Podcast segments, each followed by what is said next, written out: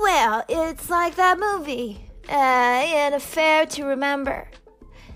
Did you ever see it? Oh, God. Cary Grant and Deborah Kerr. Is that a Kerr or a car? Okay. She's gonna meet him at the top of the Empire State Building, only she got hit by a taxi. And he waited and waited, and it was raining, I think. And then she's too proud to tell him that she was uh, crippled. And he's too proud to find out why she doesn't come. But he comes to see her anyway. I forget why, but uh, oh, it's so amazing when he comes to see her because he doesn't even notice that she doesn't get up to say hello. And he's very bitter. And you think that he's just gonna walk out the door and never know why because she's just lying there, you know, like on the couch with his blanket over her shriveled little, little legs, and suddenly he goes, I already saw the painting. And he, he like goes to the bedroom and he looks and he comes out and he looks at her and he kind of just, they, they just know and then they hug and it, uh, it's so good.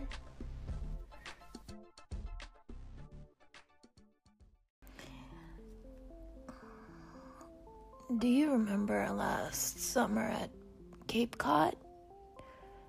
Do you remember one night in the dining room there was uh, this young naval officer and he was sitting near our table with the other two other officers? The waiter uh, brought him a message, at which point he left. Nothing rings a bell? First saw him that morning in the lobby. He was, um, he was checking into the hotel and he was following the bellboy with a with his luggage to the elevator. he glanced at me as he walked past just a glance, nothing more, but I could hardly move. Um, that afternoon, uh, Helena went to the movies with her friend, and you and I made love, and we made plans about our future, and we talked about Helena. and, and yet, at no time, was he ever out of my mind? And I thought if he wanted me, even if I was only, even if it was only one night, I was ready to give up everything.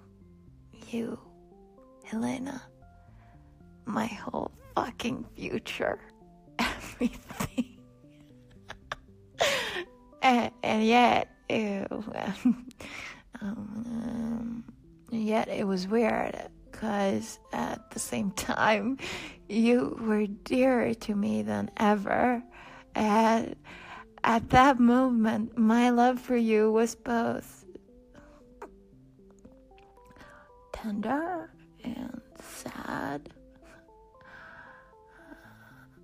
I I barely slept that night and I woke up the next morning in a panic. I didn't know whether I was afraid that he had left or that he might be still there.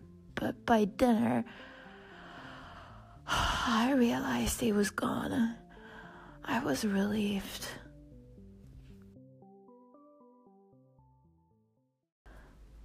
What a death! What a chance! What a surprise! My will has chosen life. Still, it has had me spooked, and many others besides. I teach piano now in Nelson.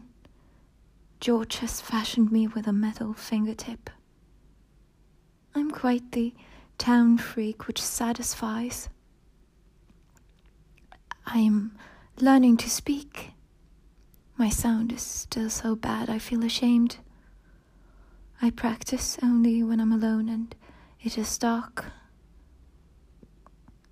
At night, I think of my piano in its ocean grave and sometimes of myself floating above it.